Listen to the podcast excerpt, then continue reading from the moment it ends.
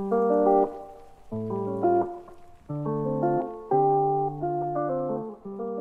good listeners, welcome back to Rehat Podcast. Pada episode kali ini, kita akan membahas mengenai kesibukan mahasiswa selama kuliah, tipe mahasiswa, dan apa yang membedakan sibuk dan produktif.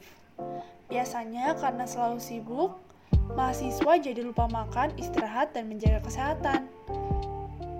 Seringkali disibukkan dengan tugas kuliah, kegiatan organisasi, dan kerjaan rumah, membuat mahasiswa sukar fokus pada pencapaiannya.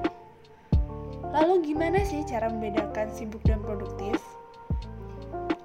Simak podcast Rehat bersama tiga mahasiswa aktif Universitas Multimedia Nusantara berikut ini.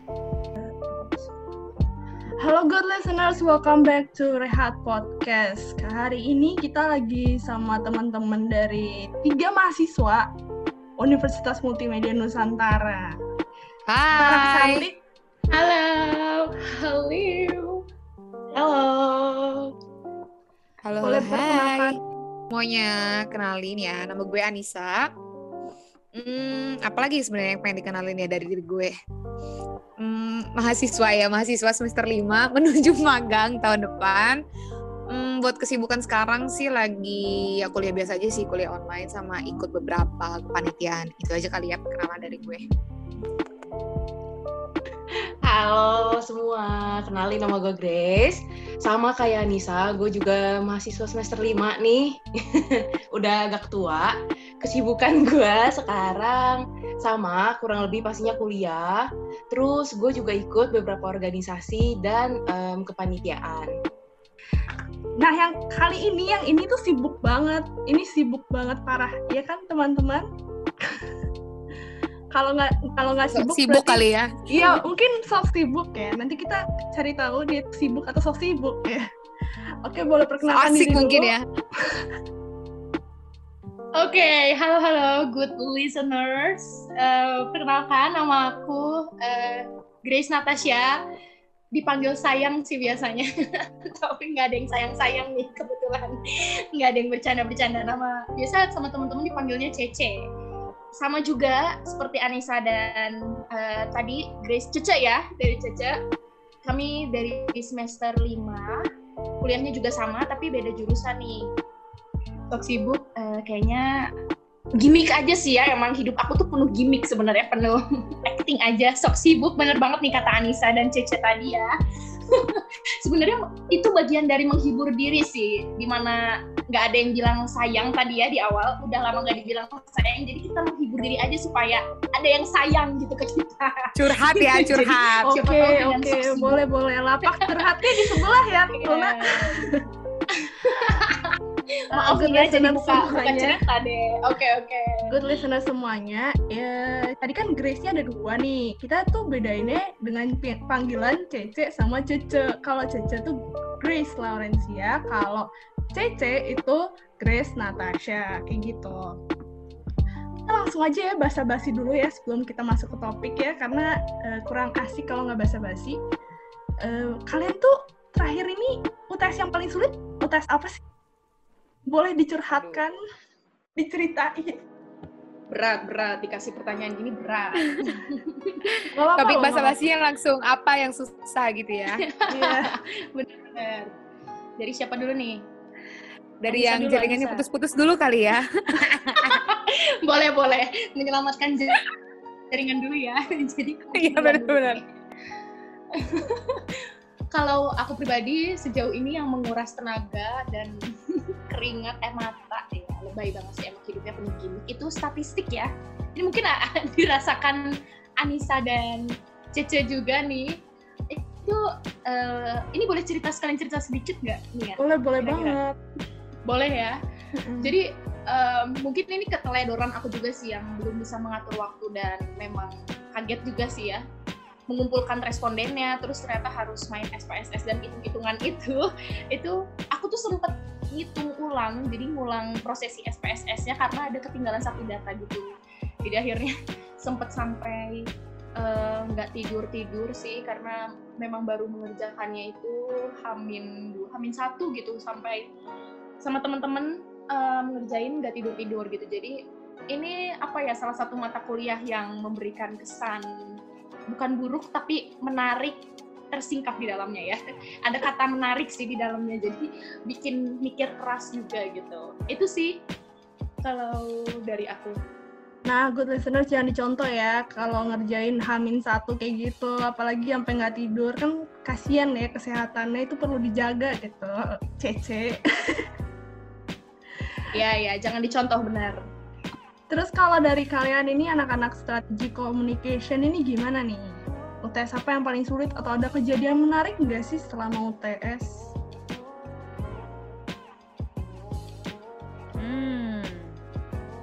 Dari gue dulu kali ya. Kalau kejadian yang menarik selama UTS sebenarnya mirip sih sama kayak yang Cece bilang tadi ya. jadi nggak tahu kenapa sebelum UTS statistika itu, jadi memang gue juga ngerjainnya hamin satu sih. Cuman beda case-nya sama Cece. Cece kan SPS-nya belum beres ya. Kalau gue udah beres gitu. Tinggal ngerjain aja manualnya gitu. Cuman nggak tahu kenapa dua hari sebelum menuju UTS statistika tuh kayak uring-uringan gitu loh kayak uring-uringan perasaan lagi nggak enak mungkin karena moodnya di rumah aja kali ya jadi bener-bener yang nggak enak aja untuk ngerjain jadi sempet banget tuh dua jam kalau saya tuh di jam 12 malam kali ya. Teman-teman yang lain tuh kan kita ngumpul gitu kan ngerjainnya bareng lewat Google Meeting kayak gitu bahasnya eh nggak tahu kenapa tuh jam 12 malam mood nggak enak akhirnya nangis dua jam. Nangis doang nangis padahal nggak ada yang nyenggol nggak ada yang apa tapi emang moodnya aja nggak enak gitu. Itu sih kejadian menarik banget selama di rumah aja pas apalagi UTS ini ya kan apalagi daring gitu ya. Aduh agak gimana gitu ya dua jam nangis tapi tetap aja harus dikerjain. Itu sih ini nangis gak sih kalian juga apa gue doang. Sana lebih ke curhat ya, itu sakit secara psikologis ya, ngerjain UTS tuh ya. Kayak terserangnya Iya, iya, psikologisnya gitu. Oke, kalau Cica ada nggak nih eh, pengalaman-pengalaman kayak dua orang tadi? Atau tentang statistika Em, juga mungkin? beda sih mungkin karena udah di bawah statistika terus gue coba gue coba men- apa ya mata kuliah lain deh kan tadi udah take home ya Iya, anti mainstream gua sih ya. ha- ya harus anti mainstream. Kalau gua mungkin sebenarnya nggak terlalu menarik, cuman ya sedikit cerita aja. Pas waktu itu kan kita em, ujiannya take home sama onsite kan. Nah untuk yang onsite sendiri emang harus dikerjain di waktu itu juga di jadwalnya. Nah sama kayak Cece di awal, em, gue tuh kurang banget manajemen waktunya. Jadi pas pertama kali ujian onsite waktu itu kalau nggak salah academic writing itu tuh gue ngerjainnya bener-bener lambat banget karena em, di satu sisi gue baru pertama kali jadi gue bingung. Jadinya gue ngumpulinnya waktu itu mepet banget 10 menit sebelum deadline. Dan itu udah deg-degan banget sih asli. Karena takut telat kan. Gitu Oke deh, tapi sebenarnya kalian tahu nggak sih perbedaan sibuk sama produktif? Tuh. Pasti good listeners pasti pada nggak tahu juga kan. Nah kebetulan kita ada pakarnya nih, karena kemarin habis eh, memberikan pengarahan terhadap mahasiswa baru di Universitas Multimedia Nusantara mengenai sibuk dan produktif. Eh, Cek, gue udah kodein eh, ngomong kek. Aduh, sebenarnya malu sih ya diomongin kayak gitu. Oke oke. Em, tadi perbedaan sibuk dan produktif. Em, kalau secara pengertian, ini em, kayak pakar banget gak sih ngomongnya? Gak Ya udah, apa-apa, Kalau em, pura-pura ya, penger- em, anggap aja gue pakar emang pakar gitu. Kalau secara pengertian gitu ya, sibuk itu adalah suatu usaha yang hanya untuk menyelesaikan segala pekerjaan yang sangat padat. Sedangkan kalau produktif itu suatu usaha yang mampu menghasilkan sesuatu yang bermanfaat dan efektif. Mungkin ini bisa dibilang secara teori ya, tapi kalau perbedaannya mungkin gue bisa sebut beberapa karena ada banyak banget nih.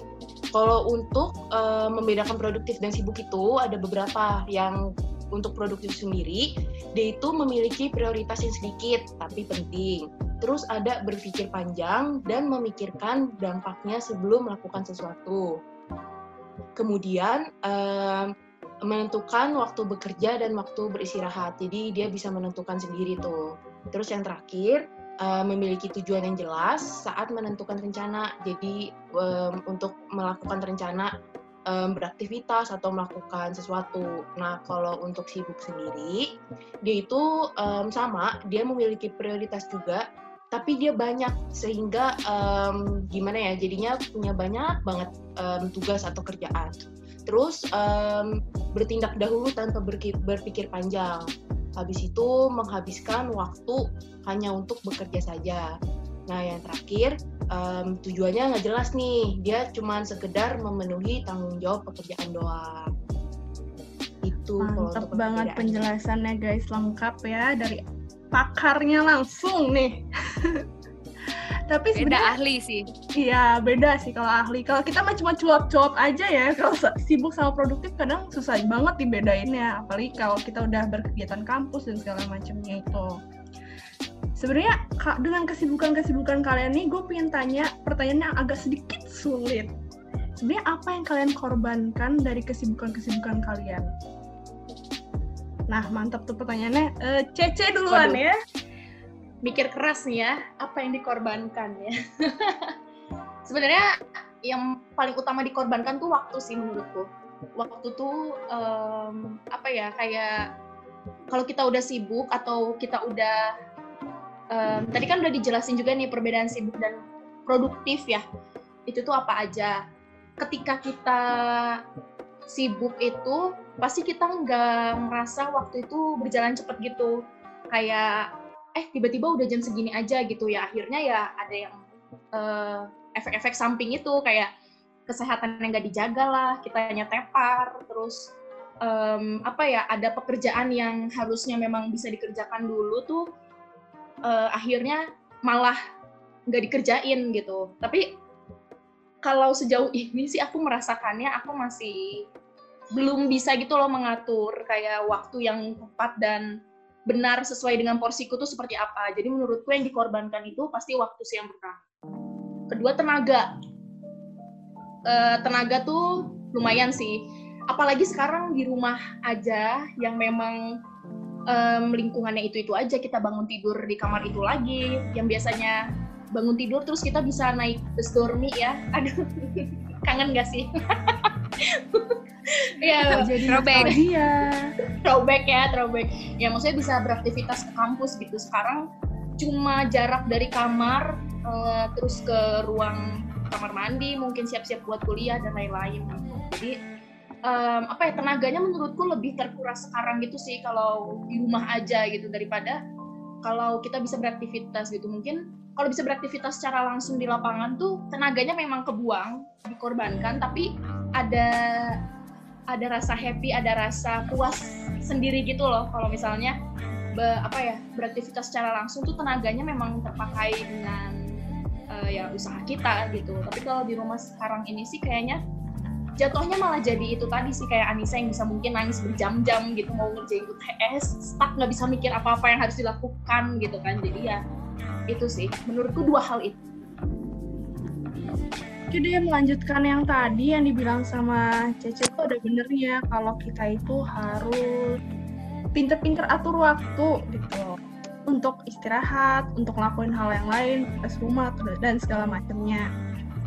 Nah sekarang gue mau uh, nanya Anissa nih tentang Anissa ini for your information juga lagi nih. Kalau dia itu roommate gue di asrama gitu. Dia selalu ngingetin gue untuk istirahat. Naik kalau ada waktu buat tidur siang, uh, tidur siang lah gitu, tanya dia. Terus dia juga, gue dapet istilah power nap itu pertama kali dari dia sih sebenarnya. nah pertanyaan gue sebenarnya seberapa penting sih waktu istirahat buat lu, Nis? Hmm, kalau ditanya seberapa penting, menurut gue istirahat ya penting banget ya. Karena kayaknya sebenarnya gue terlalu banyak istirahat sebenarnya. Terlalu banyak istirahat bahkan over gitu ya. Tapi sejauh yang gue rasain ya dari istirahat istirahat itu ya tidur palingnya ya, untuk sejauh ini. Ya me time juga bagian dari istirahat sih gitu ya. Cuman the power of istirahat itu sejauh ini buat gue itu adalah um, seberdampak itu buat gue untuk benerin mood. Dan ya bener-bener kerasa sih ke badan dan ke jiwa tuh lebih enak. Kalian pernah nggak sih ngerasain kalau misalnya lagi sakit atau apa, selalu deh obat yang dikasih dokter tuh cuman biar apa? Ngantuk dan tidur gitu. Jadi ya sepenting itu istirahat buat gua. Jadi ya sering-sering lah kalian istirahat kalau ada waktu gitu. Itu sih paling dari gue. Nah, kalau waktu istirahat tidur tadi yang dibilang Anissa, itu sebenarnya kalian tuh uh, berapa jam sih dalam sehari seharusnya? Ini biasanya anak-anak medis, medis ini tahu nih. Berarti yang jawab Anissa atau nggak Cece nih? Cece, Cece dulu lah. Oke, gue dulu ya. Cuman mungkin kalau salah, Anissa mungkin bisa membetulkan. Setahu gue um, untuk jam tidur sendiri, kalau tidur malam ya, itu kan dari jam kira-kira sekitar jam 9 atau 10 malam, terus paginya mungkin jam 6 atau tujuan. Jadi sekitar berapa jam tuh kurang lebih? Ya sekitar um, 7 sampai 8 jam lah, 6 sampai 8 jam lah kurang lebih segitu. Coba mungkin apakah benar saya yang lebih senior? Senior ya, senior nih, senior itu. Senior ya.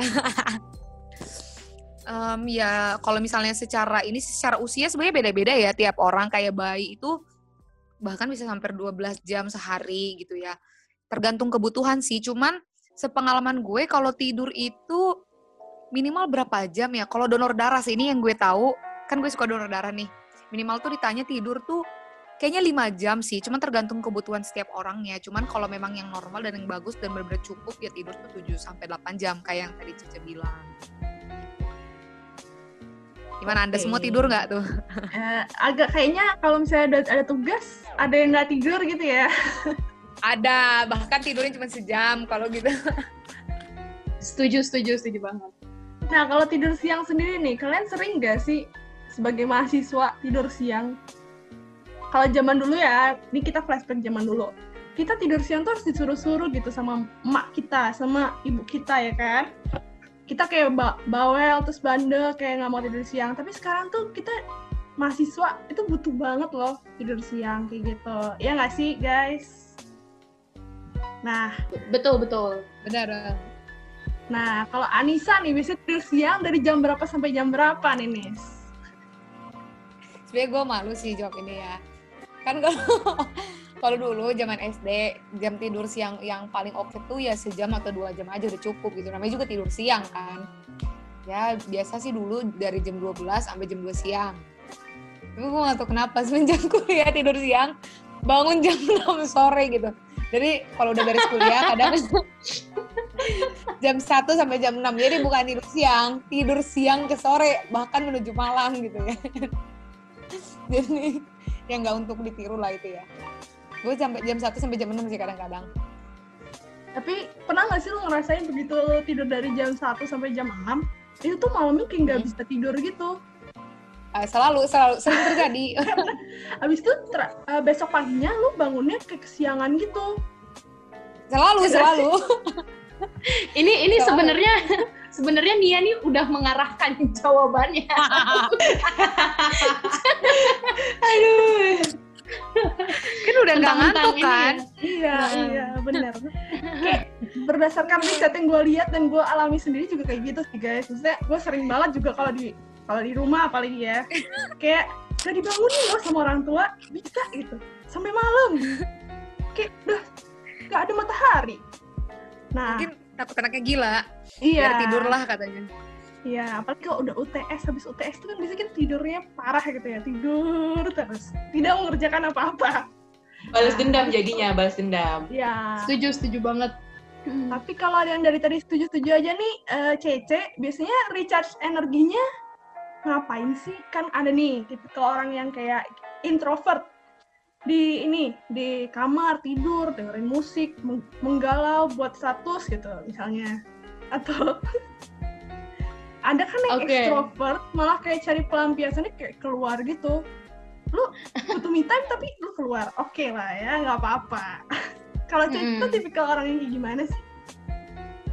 Um, sebenarnya oke okay. sebenarnya dibilang uh, extrovert banget juga enggak sih sebenarnya. Karena memang pasti ada sisi introvertnya gitu sih. Kalau aku nge-recharge energinya tuh biasanya aku ngapain ya cek ya kalau di kamar aku biasanya nyanyi karaoke gitu sih di kamar sendiri. Terus uh, soalnya itu kayak membangun mood dan ya maksudnya sekalian rehat istirahat juga sih di kamar kan sambil rebahan sambil duduk juga di kasur. Jadi um, diajak karaoke aja diri sendiri kayak ada di YouTube gitu. Eh, ini nggak apa-apa kan nyebut YouTube. Nggak apa-apa lah ya. Nggak apa-apa. Ya maksudnya um, karaoke aja gitu nyanyi setelah musik atau bahkan um, apa ya kadang itu sih paling paling sering. Kalaupun mau me time pun ya keluar pun kalau ada biaya sih ya kalau ada uang aja gitu. Karena kan kebetulan kita berempat ini ngerantau juga kan di tempat yang sama. Jadi minim duitnya ya? Minim. Kadang kadang kalau aku tuh nge-recharge energinya lagi selain istirahat di kamar sendiri itu kadang aku suka ngegangguin tetangga. Jadi kadang main ke kamarnya. Main ya kan aku sama Cece nih biasanya suka eh ke kamar Anissa yuk ngapain kayak gitu kan. Atau kadang Anissa sama Nia nih kadang ngajakin ngumpul gitu di kamarnya. Gitu kita saling nge-recharge juga sih jadi kayak ya dari situ bisa jadi semangat lagi buat ngelakuin aktivitas berikutnya gitu mau ngapain. Gitu sih kalau aku. Kalau dari Cece eh Cece gimana nih recharge energinya? Kita kan sering ya lihat dia ngumpul di kamar gitu tapi dia ngeliat video sendiri kayak kita ada tidak sih aneh agak beda agak beda teman kita yang ya, satu tapi ini ya. emang cara recharge energi itu beda-beda unik, unik, unik.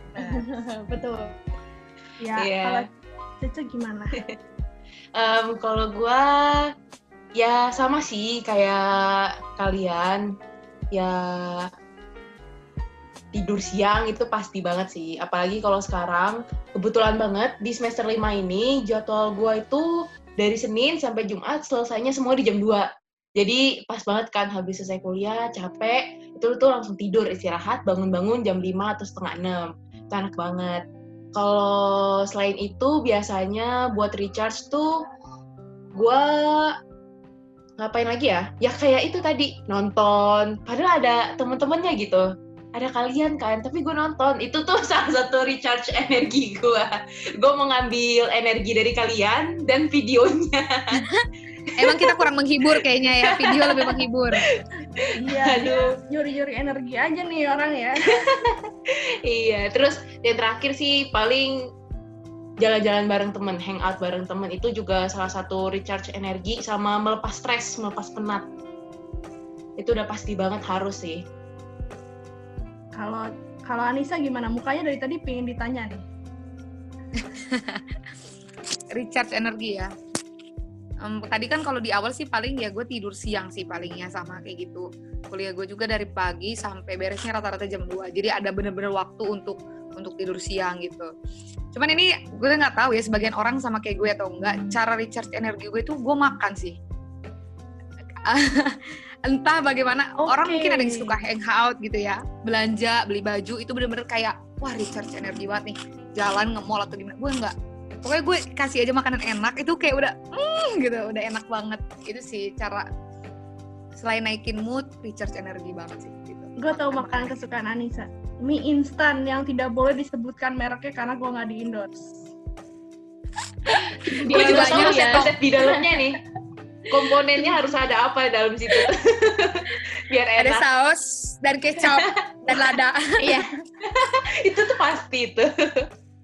Itu makanan udah, semua itu umat sih. Kalau udah mahasiswa pasti identik dengan makanan itu gitu. Udah Oke makan deh. itu aja terus. Iya, terus kan tadi kita udah ngomongin istirahat nih, kita balik lagi nih ke topik pembicaraan kita sibuk apa produktif. Uh, kalian ini kan selama sibuk organisasi, rapat terus, habis itu pulang, udah malam ya. Kalian tuh tugasnya gimana guys? Tugasnya gimana? Ngerjain tugasnya gimana? Nah, boleh dijawab CC eh, ini Oke, okay. ngomongin tugas ya, berasa kuping panas langsung. Aduh, um, apa ya?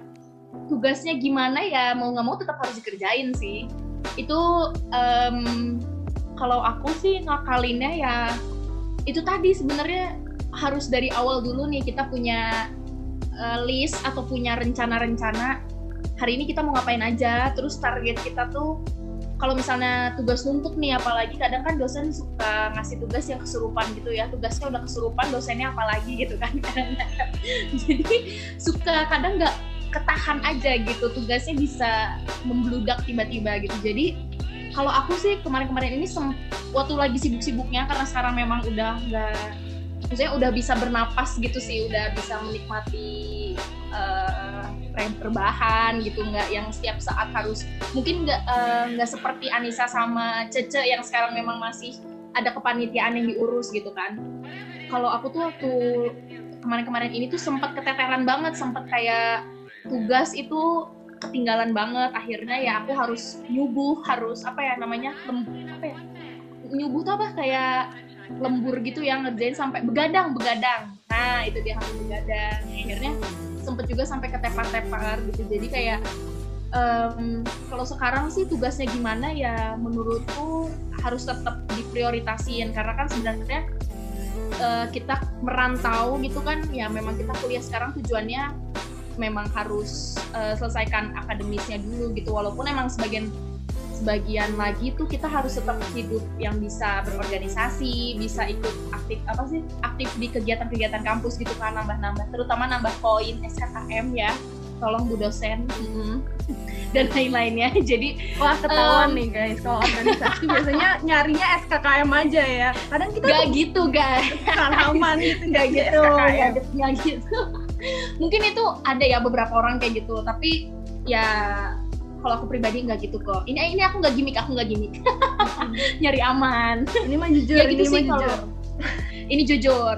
Jadi ya kalau ditanya tugasnya gimana ya mau nggak mau tetap harus kerjain gitu. Jangan sampai ada yang keteteran lagi kayak kalau misalnya udah sampai di titik udah keteteran tuh kayaknya udah yang kayak aduh parah banget gitu loh kayak bener-bener aku sih ngerasanya kayak gila lu nggak bisa ngatur waktu banget cek. Kayak uh, sampai bingung harus ngerjain yang mana dulu gitu harus mendahulukan yang mana dulu. Gitu gitu Nay. Oke berarti tadi caranya adalah buat jadwal prioritas yang paling penting yang mana ya?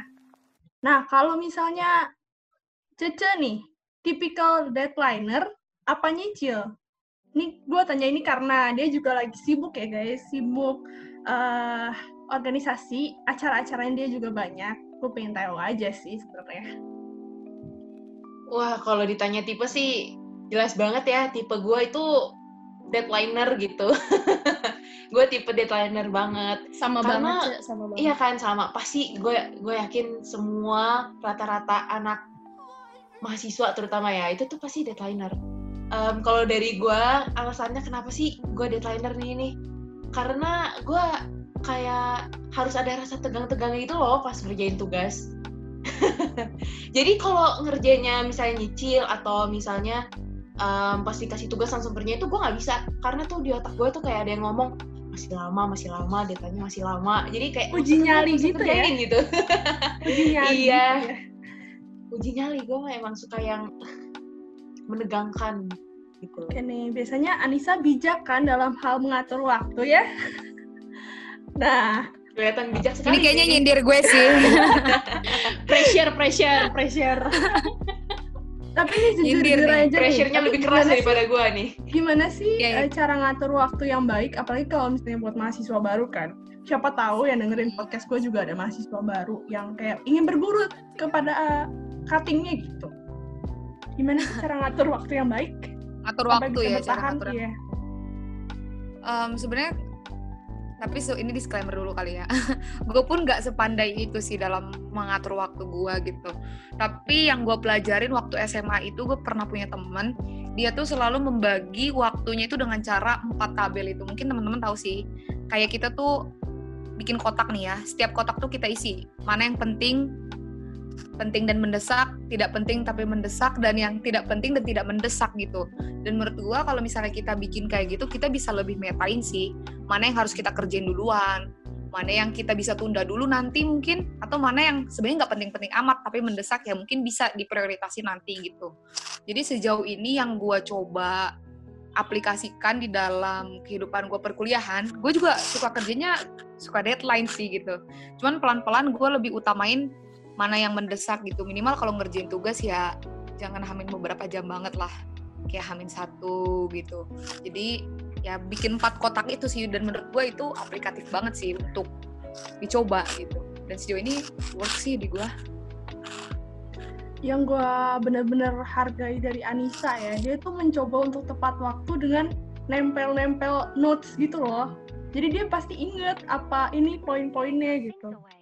Ya nggak sih Nis? Itu membantu Iya, nggak iya. sih menurut lo?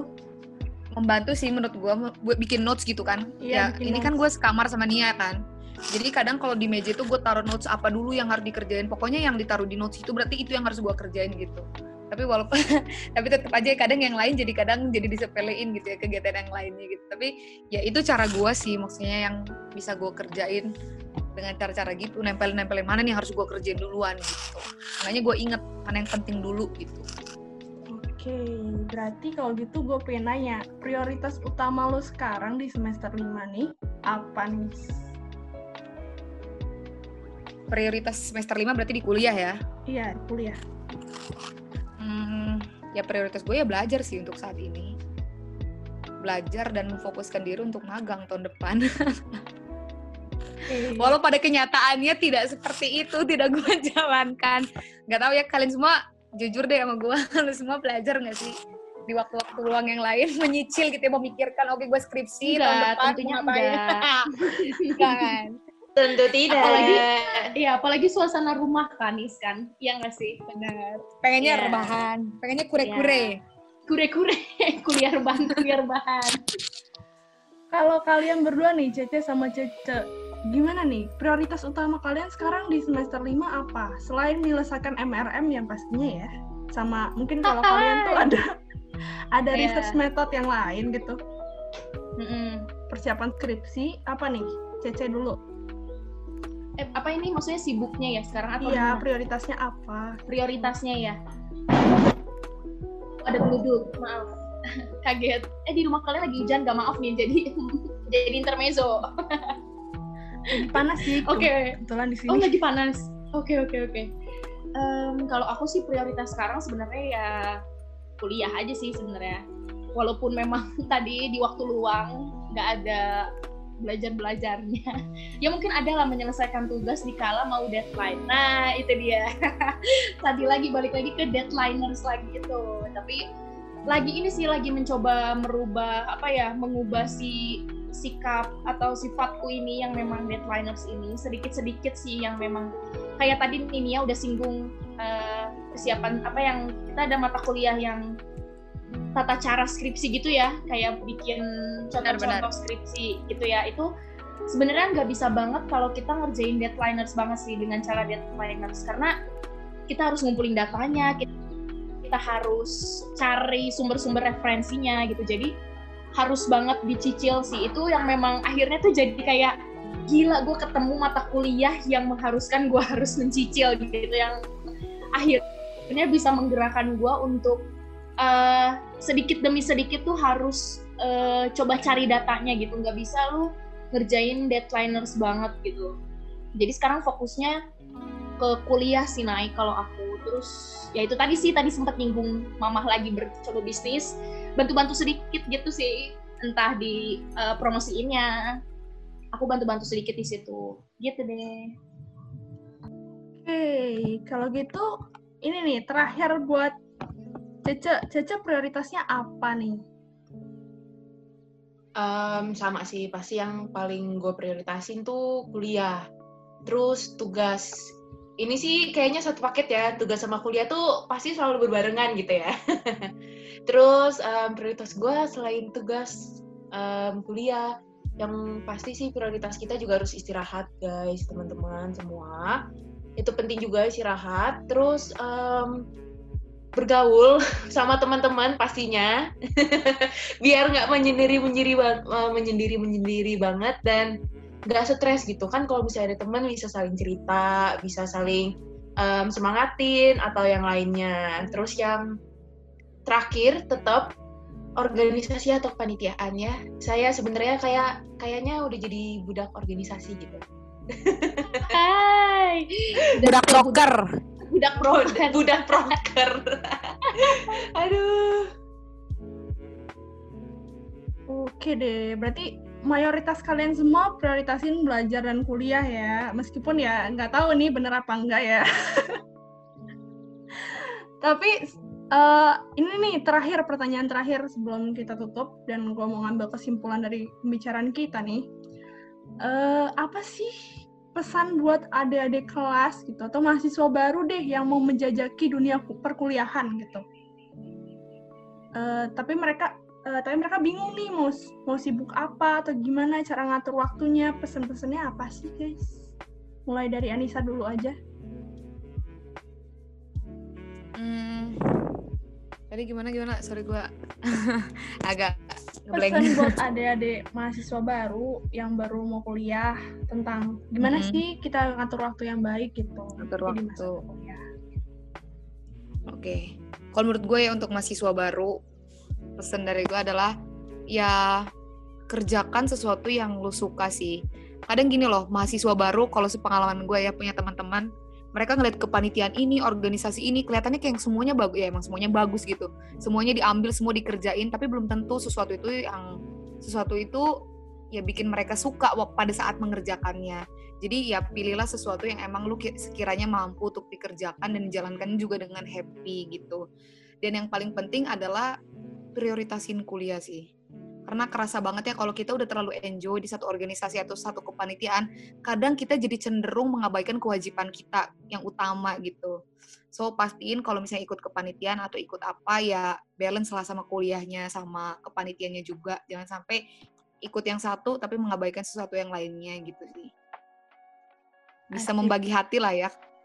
Iya, bagi hati. Bang, di kuliah ya maksudnya ini ya, konteksnya kan. Di kuliah ya, kuliah. Ya. Jangan ambis, biasa ya. aja kuliah mah enjoy. Wah, mantap nih pesannya jangan ambis guys, kuliah mah itu aja. Enjoy aja. Enjoy. Oke, kalau Cece nih gimana? Gimana tips-tips buat ya? mahasiswa baru? Iya. Iya, um, mungkin nambahin juga nih dari Anissa enjoy aja. Kalau kita tuh biasa nyebutnya apa? Lemesin say jadi tarik sis. Tarik sis. Ya lemesin aja. Dilanjutin.